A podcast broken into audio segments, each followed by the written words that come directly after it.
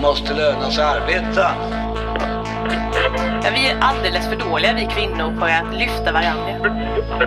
Tycker du att det är rättvist att du kan få rutbidrag för bartenders? Just nu tror jag att det är vi som är den starkaste den, av den svenska modellen. Avundsjukan i det socialdemokratiska idealsamhället är ju större än sexualdriften. Välkomna till Arbetsvärldens podd som vi spelar in idag måndag den 11 mars. Arbetsvärlden är ju en fristående webbtidning som ges ut av TCO. Vi går ju in i en hektisk Brexitvecka den här veckan. Flera omröstningar i brittiska parlamentet och utträdesdatumet skulle ju från början varit den 29 mars. Och nu är det väl lite osäkert om det blir så, men det är bara två veckor kvar tills dess. Och Eh, vi ska väl prata lite idag om, eh, vågar man boka sin jobbresa till Storbritannien just nu eller kan man stöta på problem och eh, vad innebär det här egentligen för svensk och brittisk och eh, internationell ekonomi och handel?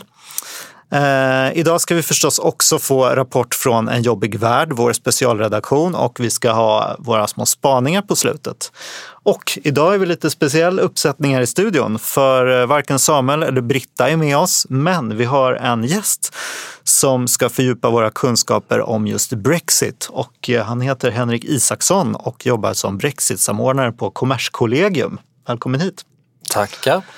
Du eh, börjar med att berätta lite om vad du gör. Vad är en Brexit-samordnare och vad gör man på Kommerskollegium? Ja, det är ganska många svenska myndigheter som på olika sätt påverkas av Brexit, men vi är väl tillsammans med tullen kan jag tänka mig de myndigheter som är allra mest påverkade. Det påverkar väldigt stor del av vår verksamhet och därför så är det ganska logiskt att ha någon som samordnar alla de olika aspekterna av det och det är jag som gör det för tillfället. Mm.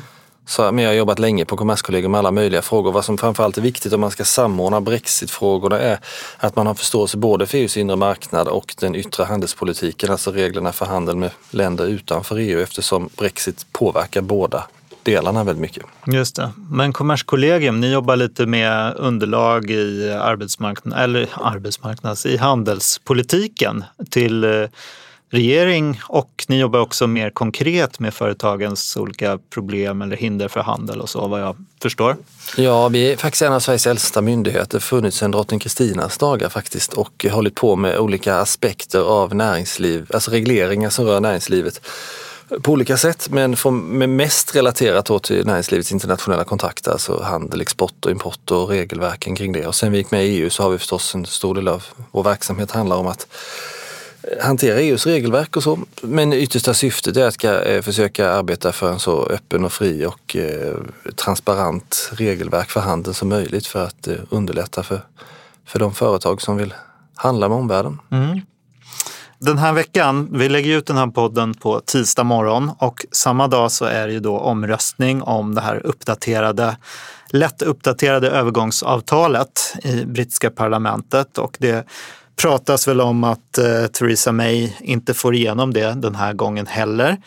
Eh, I alla fall så verkar marknaderna spekulera i detta och eh, Sen så på onsdag är det omröstning om eh, Storbritannien då ska lämna utan ett avtal och på torsdag är det omröstning om man ska skjuta upp utträdet kanske ända till 30 juni om det nu är möjligt. Det råder väl lite osäkerhet om det där när exakt man måste utträda för att inte bli indragen i Europaparlamentsvalet som kommer upp här i slutet på maj.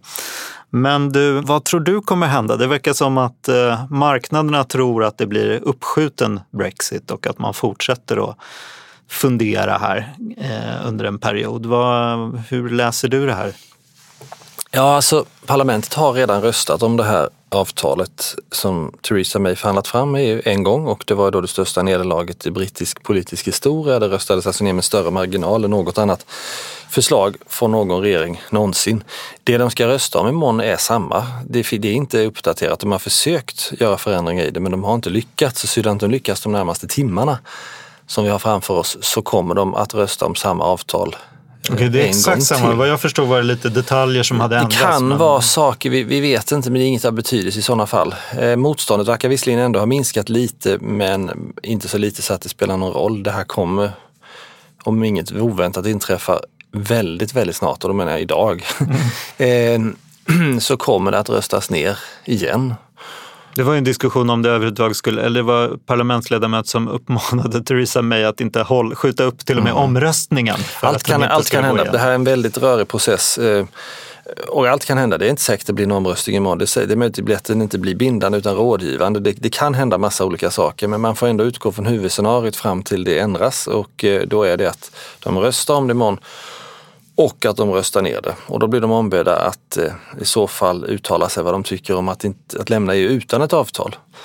Och det kommer de med största sannolikhet rösta ner också för det har de redan gjort tidigare. En symbolisk omröstning för ett tag sedan så, så visade de tydligt att det, de flesta i parlamentet vill inte ha att man bara kraschar ut ur EU.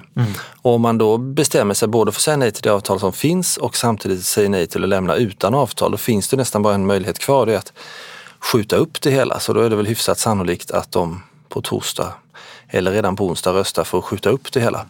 Vad ska det lösa då? Alltså, du såg Ja. ju franska, franska EU-ministern har varit ute och sagt att det som behövs inte är mer tid utan det behövs någon sorts beslut. Alltså, man måste väl landa i någon sorts övergångsavtal som ser ut ungefär som det övergångsavtal som ligger. Ja, alltså, det är en väldigt viktig, som sagt, det är inte meningen att bara skjuta upp det för att skjuta upp det. Eh, utan Storbritannien måste, alltså för att det ska skjutas upp så måste båda sidor, alltså både Storbritannien och alla EUs medlemsländer tycka att det är en bra idé. Och flera länder, bland annat Frankrike och andra också har sagt att vi vill inte bara skjuta upp det utan en motivering. Britterna måste snabbt i så fall förklara vad de tänker använda den extra tiden till. Och det blir ju intressant. Så då, för jag vet inte hur Theresa May tänker sig. Det finns ju olika alternativ. Eh, nyval, Storbritannien. En ny folkomröstning, det kan man göra om man får mer tid. Det går inte på de här två veckorna, men det går om man får mer tid. Eh, Eller att man förhandlar om avtalet med nya ingångsvärden så att säga för att man kan inte få ett bättre avtal än det man har utifrån de så att säga, ingångsvärden man har. Men om man ändrar ingångsvärdena och säger att vi kan tänka oss ett annan typ av mer långtgående samarbete med EU Eh, då kan man förhandla fram ett, ett annat avtal. Då kommer vissa bli mer nöjda i parlamentet och andra bli ännu mer missnöjda. Så det är inte säkert att det löser något heller. Det får vi se. Nu, vad vill partierna då i dagsläget? Och det här nya utbrytarpartiet eh, från Labour men som väl också har anslutit några Tory-medlemmar nu. Va? Hur påverkar det den här balansen? Det här nya partiet kanske inte påverkar balansen så mycket för det består uteslutande av ett antal avhoppare från båda partierna som är väldigt EU-vänliga och som hade oavsett om de stannat i sina gamla partier eller är med i det nya partiet ändå röstat på ett sådant sätt så att det handlar om att försöka eh, hålla sig kvar i EU på något sätt. Liksom. Så det påverkar nog inte på det sättet. Dessutom är de inte så jättemånga ännu. Det kanske händer saker på sikt. De två stora partierna är ju båda väldigt splittrade. Ehm, Inom Labour finns det både EU-älskare och, eh, och eh, vad skulle man kunna kalla dem, alltså väldigt positiva krafter och så fin- som är en majoritet och så finns det en, en stor grupp också som inte alls vill vara med kvar i EU. I konservativa finns det kanske inte så många som är lika positiva till EU men det finns en stor grupp som ändå förstår att EU är någonting man, ett nödvändigt ont om man säger så. Så finns det de här riktiga EU-hatarna.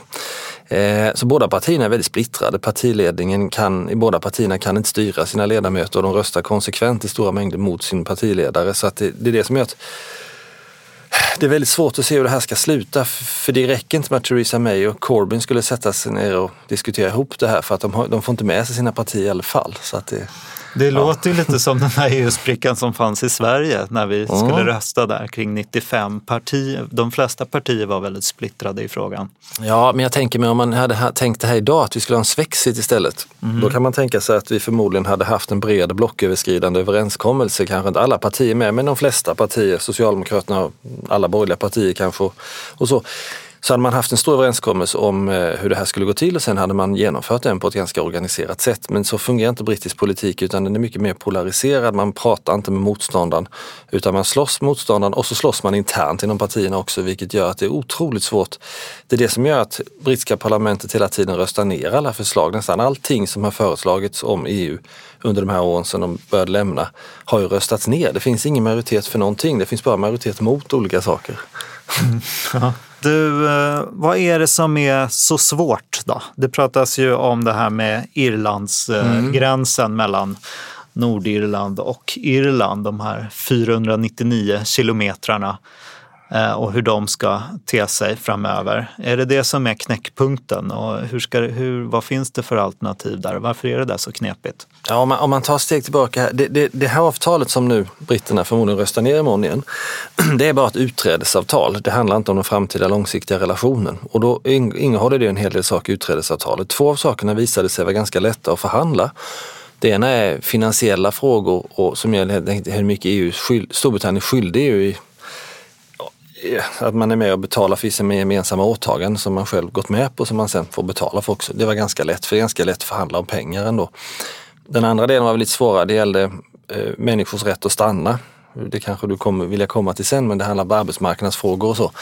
Att de svenskar som är i Storbritannien ska få stanna kvar och så vidare eh, efter att man att man inte kastar ut en massa folk så att säga. Men det gick ganska lätt för hand om det också. Ehm, den tredje saken det gäller då gränsen på Nordirland och det är där det kört ihop sig och det är där allt står och faller. Hade den frågan kunnat tänkas bort så hade kanske avtalet röstats igenom imorgon. Kanske. Ehm, problemet är alltså att det går en landgräns mitt på irländska ön Irland mellan Nordirland som är brittiskt och eh, resten av Irland som är ett eget land. Och eh, den gränsen har man gjort irrelevant genom EU-medlemskapet eftersom EU, båda delarna med EU så har gränsen ingen betydelse längre. Eh, folk eh, färdas kors och tvärs över gränsen utan att tänka på det, varor och tjänster och eh, allting liksom bara flyter på ett sätt så, att ingen märker att det finns en gräns och så verkar ju egentligen alla vilja ha det också. Det tycker alla är jättebra och det stärker då också fredsprocessen på Nordirland mellan katoliker och protestanter att, att Eh, Eh, att ingen längre tänker på den här gränsen så mycket. Alltså frågan om Nordirland ska vara brittiskt eller irländskt är liksom inte så viktig längre eftersom folk inte märker av det så mycket i sin vardag. Mm. Problemet är att om man lämnar EU så måste det uppstå en gräns någonstans. Hela poängen med att lämna EU är att de vill säga take back control, säger britterna. Av vad då? Jo, över sina gränser. Då måste det finnas en gräns någonstans. Om man lämnar EU utan att upprätta en gräns, då har man egentligen inte lämnat, då är man ju kvar. Så då måste gränsen upprättas någonstans. Och om den upprättas mitt på irländsk, ön Irland eh, så eh, finns det risk för våldsamheter i värsta fall och i bästa fall stora ekonomiska problem. Massa företag som är beroende av kunder och leverantörer på båda sidor gränsen som helt plötsligt få en gräns mellan sig. Som om vi hade en gräns mellan Uppsala och Stockholm helt plötsligt liksom, som, som skulle företagen skulle behöva hantera. Mm. Eh, så då vill man inte ha gränsen där, då måste man ha den någon annanstans och då kan man flytta den så att Nordirland på vissa sätt blir kvar inom EU. Då slipper man gränsen där men då får man nästa problem vilket är att då säger många konservativa britter att det här är förfärligt. Det betyder ju att Nordirland är på väg att lämna oss och bli en del av resten av Irland istället. Och det har mm. slagits för hundra år för att det inte ska vara så. Så då vill man inte det heller. Och därför så har man hamnat i en situation som är mer eller mindre hopplös där båda sidor egentligen är överens om att vi ska inte ha en gräns mitt på Irland men det, frågan går inte att lösa för någonstans måste den ändå placeras. Och nu finns det då i avtalet en lösning på detta men eh, den innebär då, tycker många mm, Brexit-anhängare i Storbritannien, att britterna lägger sig platta för EU. Jag har talat om så här och så här ska det gå till och britterna har sagt då får det, då får det bli så. Och att till och med värre än EU-medlemskapet på sätt och vis för det säger också att det här upplägget som man då tänker sig för att garantera att det inte uppstår en gräns på Nordirland, det, det, det kommer gälla tills dess att EU säger att det inte längre behövs. Och då menar de att det är värre, för, för som de nu hör det kan de lämna EU om de vill, det är det de är på väg att göra. Mm. Men det nya upplägget kommer bli att de inte kan lämna. De delar av EU som de stannar inom kommer de inte kunna lämna för EU tycker det är okej. Och då tycker de, är det i så fall nästan bättre att stanna för det här är det värsta möjliga. Det. Och det är det allt står och faller på. Mm. En parallell är ju svensk-norska gränsen. Jag såg Wolfgang Münchau, kolumnisten eller ledarskribenten i Financial Times, har ju länge förespråkat en Norgelösning liksom, åt britterna. Att man skulle vara med i ett frihandelsavtal då med EU. Det vill ju inte britterna för de vill kunna ha sin egen handelspolitik och det kan man inte om man har ett frihandelsavtal. Däremot så skulle man väl då slippa fria rörligheten av människor över gränserna om man bara har ett handelsavtal. Så det är väl en poäng då. Men hur fungerar gränsen mellan Sverige och Norge? Kan man komma dit eller hur? Ja, alltså man får skilja på två viktiga begrepp här. Det ena är EUs inre marknad med de fyra friheterna för människor, varor, tjänster och kapital. Eh, och det andra är eh, det som rör själva gränsfrågorna, det är just tullunion och EUs tullområde. Och när det gäller Norge så är de med i inre marknaden. Så de har ju samma regler i till stor del för all typ av väldigt, väldigt mycket ekonomisk verksamhet. Samma regler i EU som i Norge eller Norge som EU och det har norrmännen gått med på. De är alltså rule takers. De har sagt vi, vi låter EU bestämma över oss. Vi ger alltså upp en stor del av vårt självbestämmande men vi tycker det är värt det för att kunna delta i den gemensamma marknaden. Det, det, det är ett politiskt pris för, för att uppnå ett ekonomiskt mål. Det vill inte britterna. Och det har jag med stolthet också. Vi är en stor nation med gammal kolonialmakt som styrt hela världen. Vi kan inte lägga oss eh, platta eh, inför EU. Det är den delen. Sen har vi då gränsfrågorna. Eh, tullunionen och tullområdet. Där är ju Norge inte med. Och eftersom Norge inte är med där så betyder det att trots att de är med på inre marknaden så är det ändå krångligare för svenska företag att handla med Norge än till exempel Finland som ju är med i EU. Det finns en del formaliteter, det finns en del eh, vad företagen skulle kalla byråkrati och uppgifter som man ska lämna om statistiska skäl och säkerhetsskäl och så till både tullen och till andra myndigheter. Det märker man kanske inte av i gränsen för att det sköts inte nödvändigtvis fysiskt vid gränsen. Långtradarna kan brumma på över gränsen ofta, men det sköts på andra sätt i alla fall. Och så att även om Norge är så väldigt nära kopplat EU som de är så är det ändå krångligt och, krångligare att handla med Norge än med eh, eh de länder som är med i EU. Och det är samma situation som kommer uppstå med britterna då. Så mm. att eh, även om man skulle anta den här Norge-lösningen så, så, så, blir det vissa problem. Det, det, det, är svårt, det är svårt att komma runt det. Oavsett, dessutom, även om vi har, även om det här avtalet som du framförhandlat röstas igenom i brittiska parlamentet imorgon så blir det ändå inte helt friktionsfritt. Vissa problem kommer vi inte förbi. Mm, mm. Ska man vara orolig för att planera sin eh, semesterresa nu till Storbritannien eller sin jobbresa? Finns det något man borde tänka på? Ja, alltså det beror på. Om de nu röstar igenom sitt avtal här imorgon, då inträder en övergångsperiod först och främst. Under den perioden kommer de egentligen vara kvar i EU på samtliga sätt utom att de förlorar sin rösträtt. Men på alla andra sätt så kommer de vara kvar. Och meningen med det är att skapa utrymme för att förhandla en långsiktig relation efter det övergångsperioden tar slut. Skulle det bli så, eh, eller för den delen att man bara förlänger utträdet lite som vi också pratade om, då är det ju ingen fara. Då, är så. Eh, men om de bara kraschar ut ur EU här nu om några veckor, då vet vi inte vad som kommer hända. För grundgrejen med det är att då får de precis det de så att säga efterfrågade, take back control. Då mm. kan de göra vad de vill i princip. Och vad vill de? Det vet vi inte.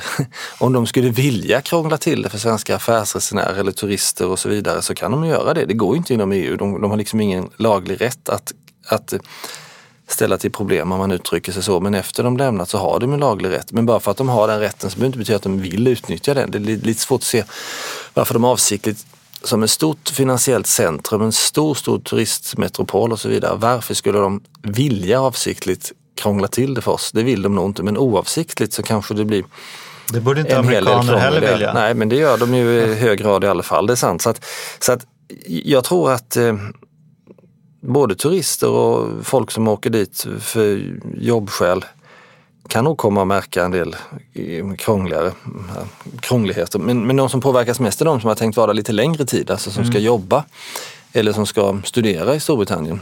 Därför att de kommer inte ha samma rättigheter idag som de har idag att göra det.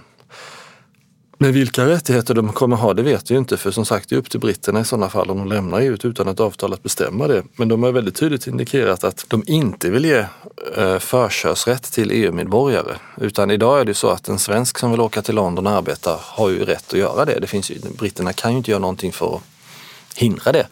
Däremot har ju inte en indier till exempel rätt till det, måste söka upp arbetstillstånd och så vidare. Eh, när de väl lämnat EU har de sagt att de vill ju ägna sig åt cherry picking och ta de bästa. Det mm. betyder att eh, det är ju då, eh, om man tänker sig att man är en ung svensk som vill åka till London ett år och arbeta, det blir ju svårare för man kommer behöva konkurrera mot arbetskraft i hela världen och, och söka samma tillstånd som de, som de behöver. Eh, och då kan man tänka sig något system för att man ska då visa att man har någon kompetens, spetskompetens inom något område. Ja, ja och, och det är ett annat problem då att eh, för nu pratade jag mer om folk som ska åka till London och kanske göra enklare arbetsuppgifter sådär ett år, unga människor så, innan de kommer hem till Sverige och börjar studera på universitet eller vad det nu kan vara. Som är ganska vanligt, det bor ju väldigt mycket svenskar i London. Mm och i övriga England. Eh, det är ju en grupp som sagt som inte kommer ha den här rättigheten. Sen har du en annan grupp som är då färdigutbildade människor som har en kompetens, antingen akademisk eller förvärvad i yrkeslivet eller båda delarna. Det finns ju ett utmärkt system idag inom EU som syftar till att se till så att om man har kompetens, att det lätt kan visa att man har den kompetensen så den erkänns av ett annat land så man kan jobba där som man är arkitekt eller vad det än kan vara så, så kan man jobba i ett annat land inom sitt eget yrkesområde genom att det blir lätt för myndigheterna att samarbeta och visa att personen i fråga verkligen har de kompetens han påstås ha. Eh, det systemet bryts ju sönder då om de lämnar EU utan ett avtal för att eh, IT, de IT-systemen som de är med i idag som syftar till att myndigheter ska kommunicera om sådana här saker kastas de ut ur direkt. Mm. Och eh, är de inte kvar där längre så, så, så man måste räkna med att välutbildade svenskar som vill arbeta i Storbritannien och britter som vill arbeta i Sverige för den delen. Det kommer ta längre tid för dem att få sina tillstånd och, och verifikationer och det, det, blir mer byråkrati och det blir tidsödande. Mm. Och det finns risk att man fått nej också. Mm. Det låter ju, jag börjar tänka på så här, okej, okay, vart kommer man, kommer folk eh, dra till Tyskland och Frankrike istället? Kommer engelska som språk bli lidande? Kommer folk liksom med en, ut, med en schysst utbildning inte åka till England längre. Det ja. vet vi ju inte. Engelska som språk tror jag inte för att det har nog tåget redan gått. Det, det verkar som att, för det funderade jag också på direkt efter Brexitomröstningen att eh, om det skulle påverkas men det finns inga som helst tecken på att det påverkas. Det har redan etablerat sig som mm. världsspråket som gäller. Eh, däremot så har det ju redan fått stor effekt. Om man tittar på brittiska sjukhus så jobbar det ju väldigt, väldigt mycket sjuksköterskor från de östeuropeiska länderna framförallt som flyttar dit av naturliga skäl för lönerna är mycket, mycket högre. Mm. De flyttar hem nu. Mm. Alltså det, det, det, det är ett stort utflöde av framförallt östeuropeer som gör enklare jobb i Storbritannien som eh, flyttar tillbaka. Det är ett betydligt nettoflöde i riktning tillbaka. Mm. Och jag läste sent som nu i morse att britterna har börjat rekrytera fler folk för liknande jobb i Indien framförallt. Mm. Så. Mm. så att eh, det, det är mm, och det är även byggarbetare mycket och så. så. Det är mycket polacker som jobbar i Storbritannien med de här jobben precis som det är i Sverige. Så att säga. Mm. Skillnaden är att de stannar i Sverige och Storbritannien så känner de sig inte välkomna längre. Nej. Vad blir betydelsen för svenska företag då? Handeln? Det finns ju olika siffror på hur mycket ja, både svenska och brittiska företag nu ska förlora liksom, i krångligare när de inte är längre med i inre marknaden. Har ni några uppdateringar ja, på det här? Vi säger ingenting om hur stora konsekvenserna blir, alltså att vi säger det påverkar 5 eller 10 procent eller 20 procent av, av någonting. Alltså vi har inga beräkningar på det sättet, men vad vi pekar på är att, att även om EU har många syften och en ganska komplex organisation så är ändå på något sätt det underliggande målet att garantera fred mellan medlemsländerna genom att underlätta för handel och ekonomiskt utbyte mellan, mellan dem så man blir ihopbundna. Och om man lämnar en organisation vars huvudsakliga syfte är att underlätta för ekonomiskt utbyte. Jag säger ofta ekonomiskt utbyte eftersom det handlar inte bara om handel, det handlar om investeringar också. Mm. Så att, men det är ekonomiskt utbyte kan vi säga. Om man lämnar en organisation vars huvudsakliga syfte är att underlätta för det så blir det svårare. Det hör man ju liksom i själva, det, det hörs ju, det blir självklart och det blir svårare. Eh, för företag som bedriver export och import och investerar och eh, så, så, så, blir det svårare. Vissa grejer kommer, det kommer ta längre tid. För vissa saker, det kommer ta längre tid för varor att passera tullen. Du kommer också behöva tillstånd för vissa saker som du inte behöver tillstånd för och de kommer du behöva söka och sitta och vänta på och få och kanske betala för. Så det kommer ta längre tid av den anledningen också. Och, och, det finns vissa kostnader, alltså då de här förseningarna som kommer uppstå vid gränsen och all byråkrati som, som man måste hantera kommer lägga några procent på varje transaktion så att säga. Ovanpå det kan det sen läggas tullar, de kan ju förhandlas bort men, men de kan ju absolut läggas ovanför det också. Och det slår olika mycket mot olika sektorer, vissa mycket mindre än andra. Mm. Men båda de grejerna är ändå mindre, tycker jag, än den osäkerhet som kommer uppstå. För att företag generellt sett gillar ju inte eh, osäkerhet och det gör ju inte vanliga personer heller. Det är därför vi köper försäkringar så att säga för att mm. slippa osäkerhet i livet. Företag vill inte ha osäkerhet. Mm. Men de kommer få osäkerhet med Brexit och då menar jag inte bara på den osäkerhet som råder precis just här och nu när det är total osäkerhet utan jag menar även när det värsta kaoset lugnat sig om ett tag så kommer det bli permanent högre nivå av osäkerhet än vad det är nu på grund av att det finns massa sätt inom EU eh, att garantera att länder inte inför handelshinder mot varandra. Eh, ytterst är det domstolen som kan tvinga länder att ta bort regler som de inte får ha. Men det finns andra sätt som man kan lösa det här på också innan man når den yttersta nivån, domstolen. Så att länder ska inte kunna hindra företag från andra länder att, att uh, vara verksamma i deras länder. Och om man lämnar EU ja då försvinner ju de här spärrarna som finns idag mot att uppföra handelshinder. Inte helt och hållet för de, Storbritannien kommer med i Världshandelsorganisationen WTO och de har ju också regler för, för handeln men de är mycket mer tillåtande. Så att man skulle kunna säga så att Storbritannien kan, om de lämnar EU utan ett avtal, om de vill införa massa handelshinder. Men vi vet ju inte om de vill. Så därför så är osäkerheten både kommer de göra någonting och vad kommer de göra och när kommer de göra och kommer det bara vara något lite försiktigt eller kommer det vara något mer massivt?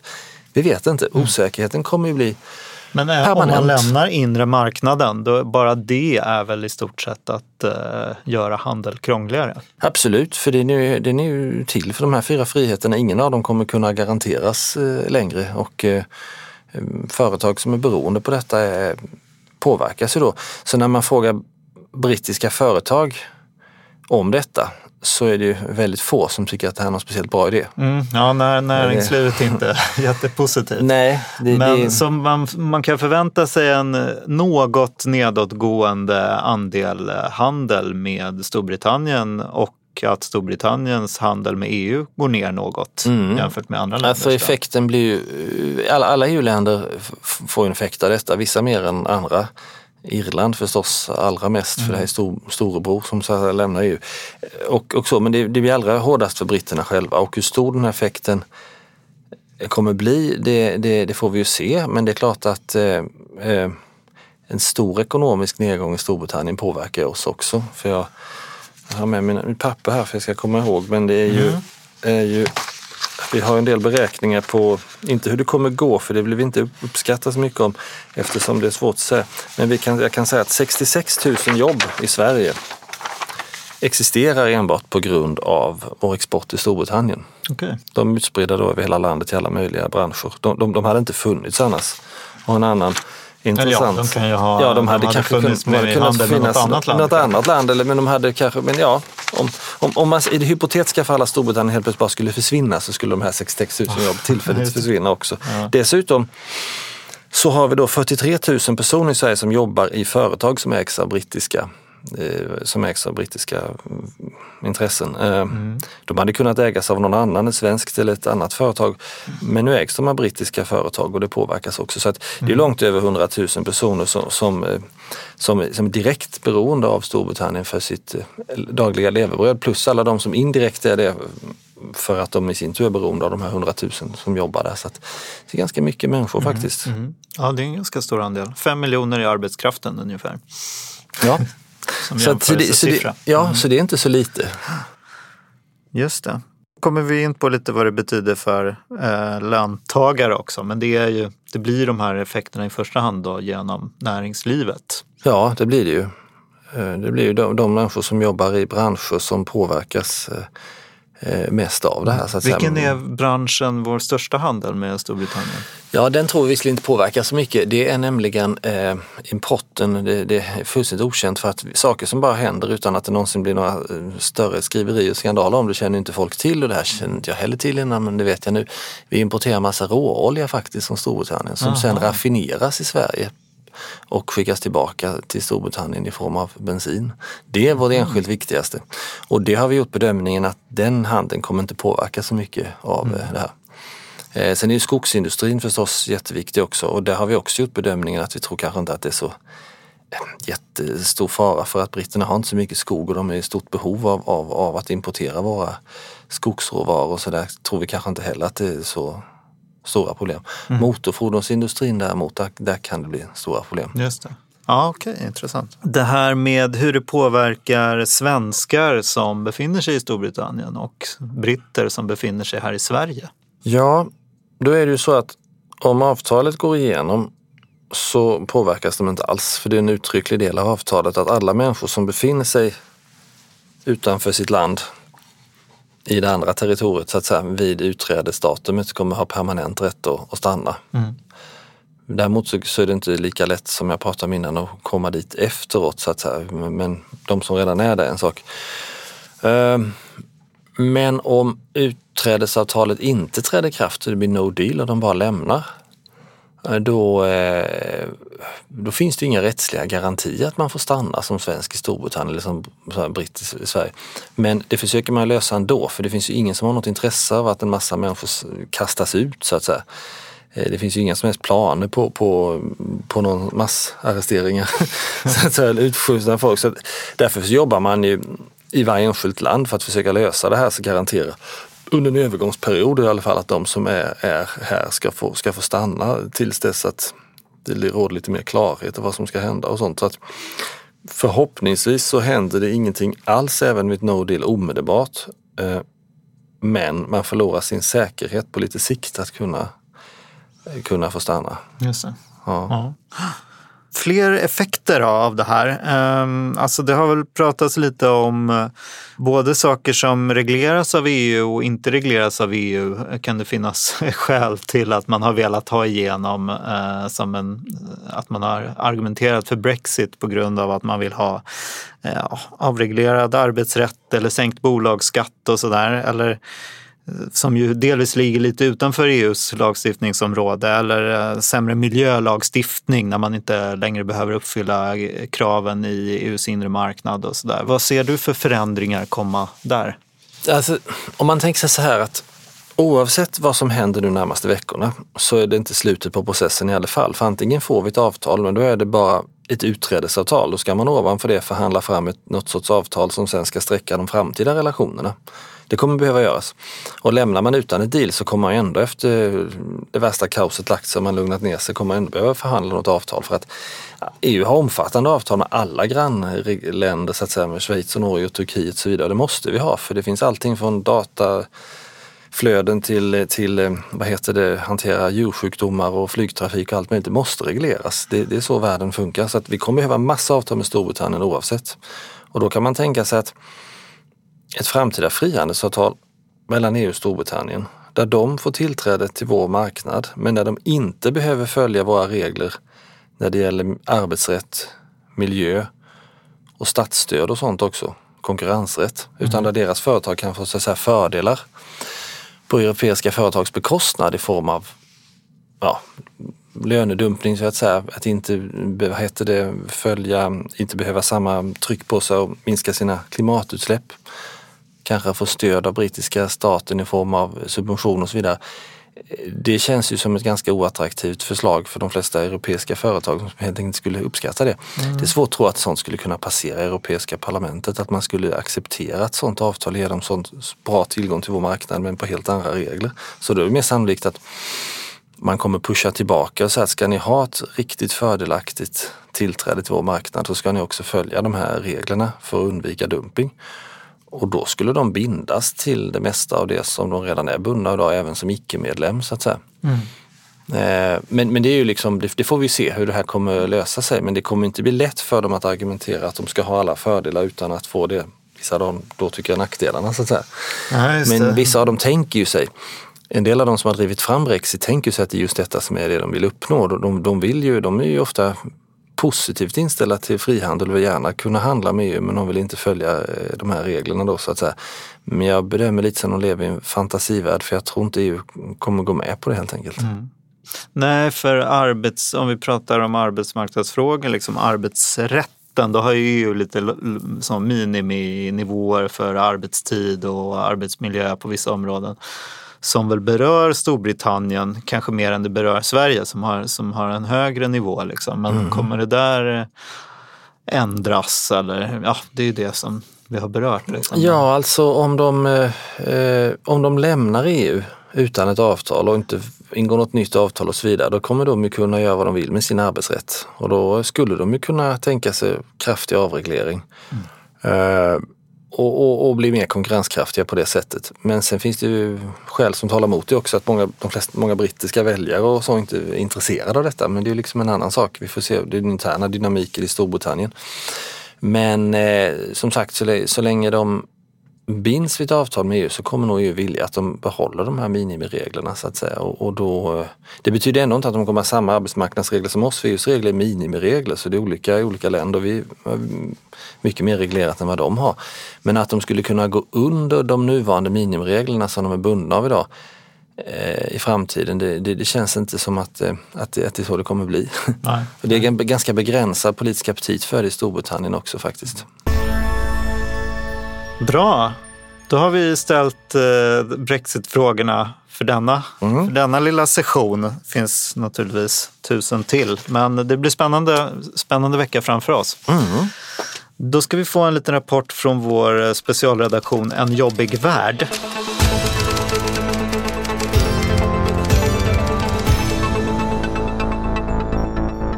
Efter avslöjanden om att de svenska bankerna Nordea och Swedbank misstänks ägna sig åt penningtvätt i Baltikum växer missnöjet på hemmaplan.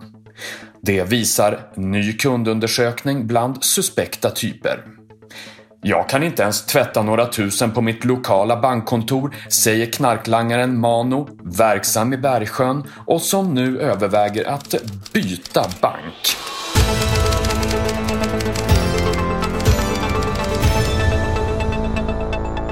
Ja, det här var någon sorts eh, sammanslagning av eh, landsbygdens problem med nedlagda bankkontor och penningtvättshärvan här.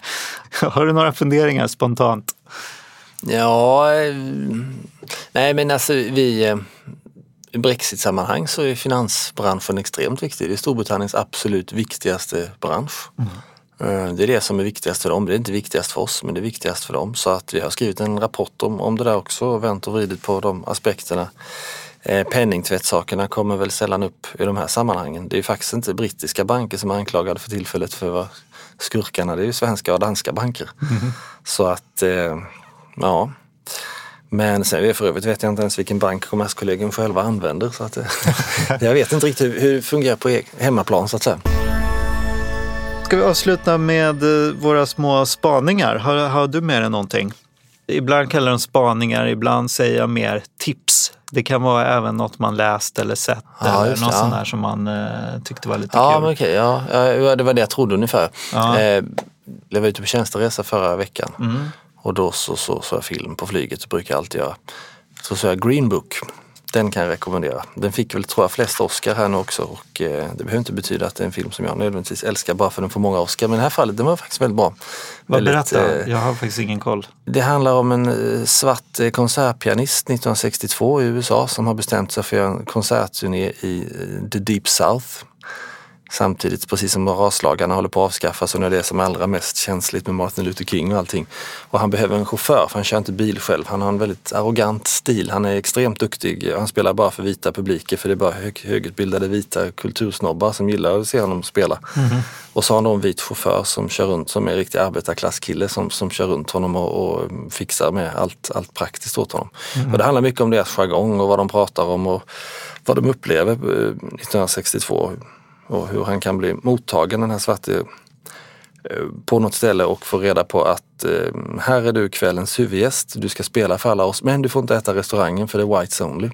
Det blir väldigt paradoxalt av detta. Men det är en feel film ändå så man blir extra glad på slutet när man får reda på, ibland säger de based on a true story. Då är den baserad på det, men här var det this is a true story för de här personerna levde på riktigt och båda dog för några år sedan inom loppet av några månader. De utvecklade en sån här osannolik vänskap. Ja, men det, är- en ganska så här feel film Härligt, bra Ja. tips. Ja. Ja. Jag var på semester förra veckan så jag läste lite i den här eh, Den inre ojämlikheten, uppföljaren till det här The Spirit Level eh, av Kate Pickett och Richard Wilkinson. Det är ju två epidemiologer, eh, professorer i epidemiologi som har skrivit en hel del om hur ojämlikhet hänger ihop med olika sjukdomar. Eh, och i den här nya boken så går de in på eh, mer det som är på insidan av huvudet, stress och psykologisk ohälsa då. Och, och går igenom eh, forskningen och finner då ganska starka samband inom vissa symptom då med ojämlikhet. Och, Både i alltså att de jämför cross country, att olika länder som skiljer sig i ojämlikhet och över tid då i länder som utvecklas mot mer ojämlikhet. Hur ja, till exempel amerikanska och brittiska ungdomar tycks må väldigt mycket sämre idag än på 70-talet. Och jag tyck, det slog mig lite sådär att det är värt att fundera på alla de här eh, undersökningarna som kommer om stress i arbetslivet. Det är mycket, i min värld så kommer många fackförbund med de här sakerna hela tiden och eh, det är möjligt att man skulle titta på det där ur ett mer makroperspektiv också och inte bara titta på arbetsplatsen. Det var i alla fall det som slog mig med den där boken. Men det är kul, de går in på liksom hur stressen uppstår liksom som en effekt av en statushierarki i samhället. Då, att vi upptas allt mer av att förhålla oss till andra i hierarkin eh, ju mer den där hierarkin dras ut. Och att eh, de långt ner då i hierarkin får mer stressämnen i kroppen medan de längre upp göder någon sorts eh, förakt för dem längre ner då med i en sorts eh, tanke om att jag är värd eh, min, liksom, eh, mina inkomster för att man utvecklar en idé om att eh, man är väldigt olika då som personer och att detta gör man då mer i mer ojämlika samhällen. Men ja, deras slutsats är väl att alla, alla drabbas liksom av den här statusjakten och det man väljer att göra ofta är att konsumera sig eh, mot en, eh, med att det blir viktigt, väldigt viktigt i mer ojämlika samhällen att skapa sig en bild av att man är framgångsrik. Så att lyxkonsumtionen går upp väldigt mycket. Också en annan rolig aspekt tyckte jag i den här boken som eh, jag är väl en sån där som kanske borde ha läst ekonomisk historia egentligen eh, på universitetet. Det är väldigt kul när man tittar på, de kollar ju på lite så evolutionspsykologi och eh, hur hur vi liksom har utvecklats under evolutionen och går tillbaka till så här jägar-samlarsamhällen och eh, alltså det som skiljer oss människor då från andra djur är vår väldigt stora neocortex. Det yttre området runt hjärnan som har med sociala relationer att göra. Och det speglar väldigt väl, tänker jag, liksom någon sorts tanke man har om att människan ändå definieras av att vi kan organisera oss i väldigt stora sociala grupper, liksom, till skillnad från andra djur. Ja, så går de tillbaka och tittar på hur jägar samlarsamhällena då som man ju tänker sig som väldigt jämlika också upphöjde den här jämlikheten till någon sorts eh, moralisk dogm, vilket jag inte hade koll på. Liksom. Men det var inte bara så att man, eftersom man inte kunde samla på någonting så var det praktiskt, så alltså blev det så att man var jämlik, utan man utvecklade någon sorts psykologi kring det där, att det var ett etiskt liksom, förhållningssätt, att det var rätt att dela med sig. Och det här att när man började jaga större djur så skulle man dela på bytet och att det uppstod en sorts gåvokultur då med reciprocitet, att man man ger något och ger tillbaka. Att man hade en domare, man hade någon utomstående som liksom skulle fördela hur det där djuret skulle eh, gå till olika familjer. Då. Och eh, en sista rolig grej var att vi tydligen alltid har varit eh, förtjust i att störta och avsätta ledare som har på något sätt spårat ur som ledare och ansett sig vara för mer än andra. Det finns någon sorts, eh, det kallas någonting på forskarspråk där man då eh, ofta de som är lite under hierarkin gaddar ihop sig och avsätter den här odrägliga personen då som har blivit ledare och börjar dra iväg. Så det finns någon sån, eh, lite, även i hierarkiska samhällen verkar det finnas någon sån balansgång då att man riskerar sina undersåtars, eh, ja, lite machiavelliskt. Liksom, det låter ju som något som, låter som Theresa May skulle kunna råka ut för. En eh, palatskupp eller så. Ja. Just det, det finns väl en del pretendenter där. Ja, det gör det. Vilken bra ihopknytning av påsen. ja. eh, vi avslutar väl där helt mm. enkelt. Säger tack till Henrik Isaksson från Kommerskollegium som var med idag. Tack, och även tack. till Anders Ljung som klipper podden. Och så säger vi också så att Eh, man kan prenumerera på Arbetsvärldens nyhetsbrev. Det tycker jag att man ska göra om man lyssnar på den här podden. Då går man in på arbetsvärlden nyhetsbrev och skriver in sin mejladress. Och förstås ska man också prenumerera på den här podden så att man inte missar några avsnitt där man lyssnar på sina poddar. Tack för idag hörni, så är vi åter om två veckor ungefär. Adjö.